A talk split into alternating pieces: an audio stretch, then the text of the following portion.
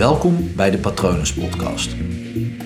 Mijn naam is Paul Vet en in deze podcast deel ik inspiratie voor een leven vol vrijheid en verbinding.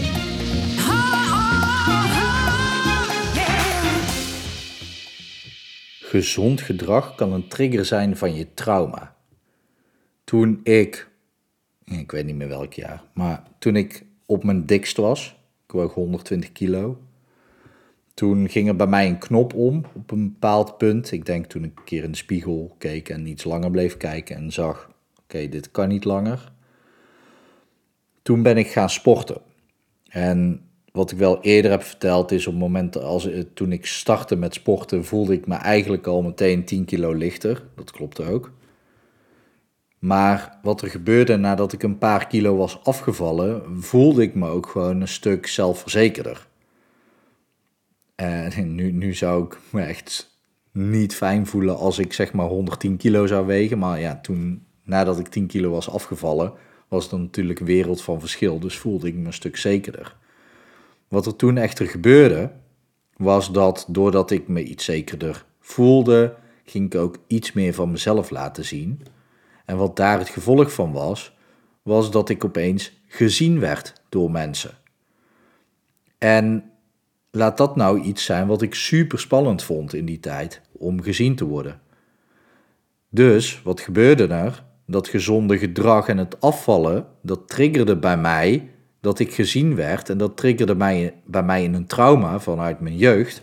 Als ik vroeger door mijn moeder gezien werd als ze dronken door huis liep, dan waren de poppen aan het dansen. Dus dat triggerde een trauma en opeens stopte ik met gezond leven en stopte ik met sporten. En schoot ik zo weer terug richting de 115 kilo. Nu is dat gelukkig wel een moment dat ik dan weer de pijn voelde van in de spiegel kijken en mezelf te dik voelen en ja, gewoon waardeloos voelen. Dus de pijn was op dat moment weer heftiger. Dus uiteindelijk ben ik wel weer verder gegaan met sporten. Maar ja, zo is dat wel heel lang een yo-yo-effect geweest. En dat kwam dus alleen maar omdat dat gezonde gedrag een trauma van mij triggerde. En dat kan dus een hele grote reden zijn. Niet altijd, maar dat kan ook voor jou een reden zijn. Dat als jij opeens weer bedenkt: oké, nu ga ik iets van mijn leven maken. Nu ga ik starten met gezonde gewoontes. En dat dan opeens na een tijdje, of misschien al vrij snel, dat je dan merkt van: oh, ik schiet toch weer terug in mijn oude gedrag.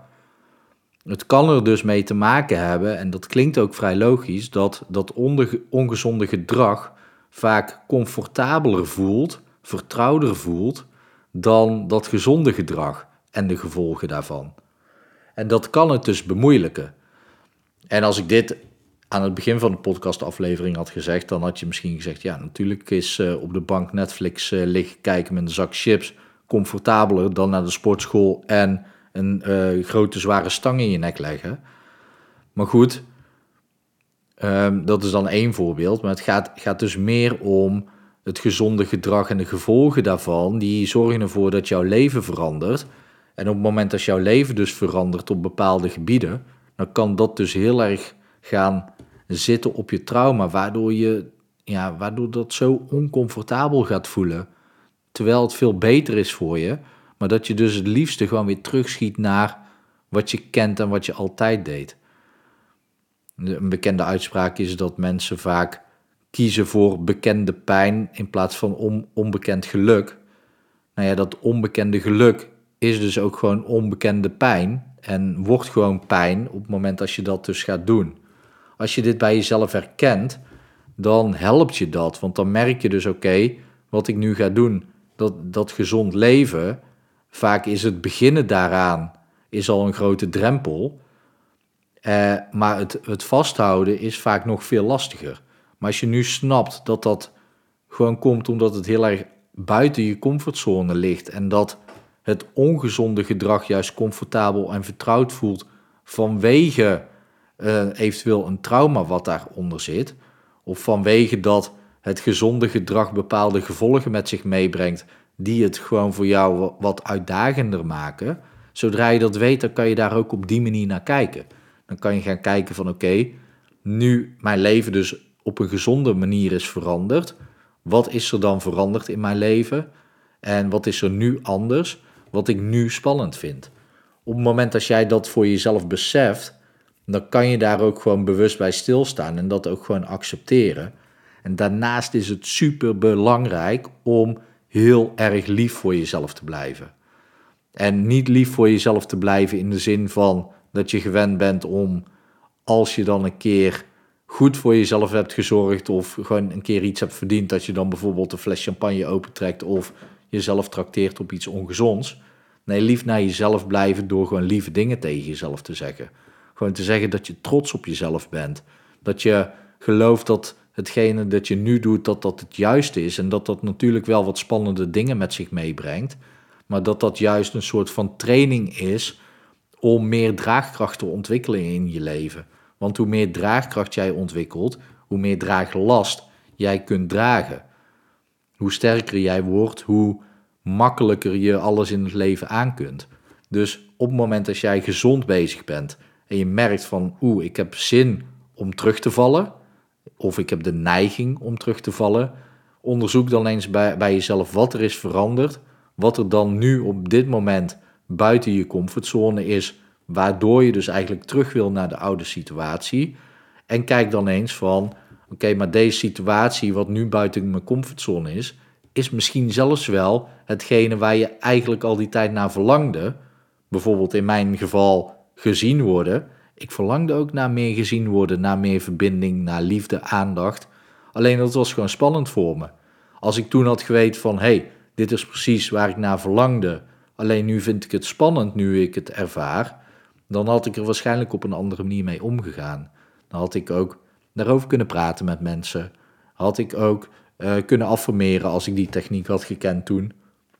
Voor mij is het moeilijk terugkijken, want toen kende ik helemaal niks van zelfontwikkeling. Dat uh, persoonlijke ontwikkeling en al het andere coachopleidingen en hypnotherapieopleidingen, andere cursussen, managementopleidingen ben ik pas na 2012 gaan doen. Dus ja, en dit speelde voor die tijd. Dus ja, dat, ik weet dat niet precies, maar als ik toen, uh, als ik mezelf zou mogen coachen van toen, dan zou ik zeggen: oké, ga affirmeren, ga in de spiegel staan en ga de juiste affirmaties gebruiken. Wees lief naar jezelf toe. Zeg dat je trots bent op jezelf. Zeg, uh, zeg tegen jezelf van ja, ik snap dat het buiten mijn comfortzone is en ik vind het spannend en ik doe het toch, want dit is wel waar ik naar verlang en waarvan ik diep van binnen weet dat dit gezond is en dat dit uiteindelijk makkelijker gaat worden, want dat is alles waaraan je bloot wordt gesteld. Zo heb je het ooit ook makkelijker gemaakt om het ongezonde gedrag uh, als comfortabel te gaan zien. Dus hoe langer je traint in het gezonde gedrag, kan je dus ook trainen dat dat je nieuwe comfortabel wordt. Het is gewoon een kwestie van training en lief zijn voor jezelf. Mocht je uh, iets van affirmaties willen weten, kan je die aflevering opzoeken. Of je kan even naar Instagram hypnopal.nl en dan link in bio affirmeren voor gevorderden. Google affirmeren voor gevorderde Paul Vet dan kom je ook op het artikel uit. Genoeg manieren om daarop uit te komen. Je kan me ook gewoon een mail sturen naar patronen.palvet.com. Dan stuur ik je de link gewoon terug. Ik hoop natuurlijk dat het goed met je gaat. Ik hoop dat het goed gaat met dierbaren van je. En om te zien wat ik voor je kan betekenen, kijk je op www.hypnopal.nl. Ik wens je nog een hele mooie dag toe.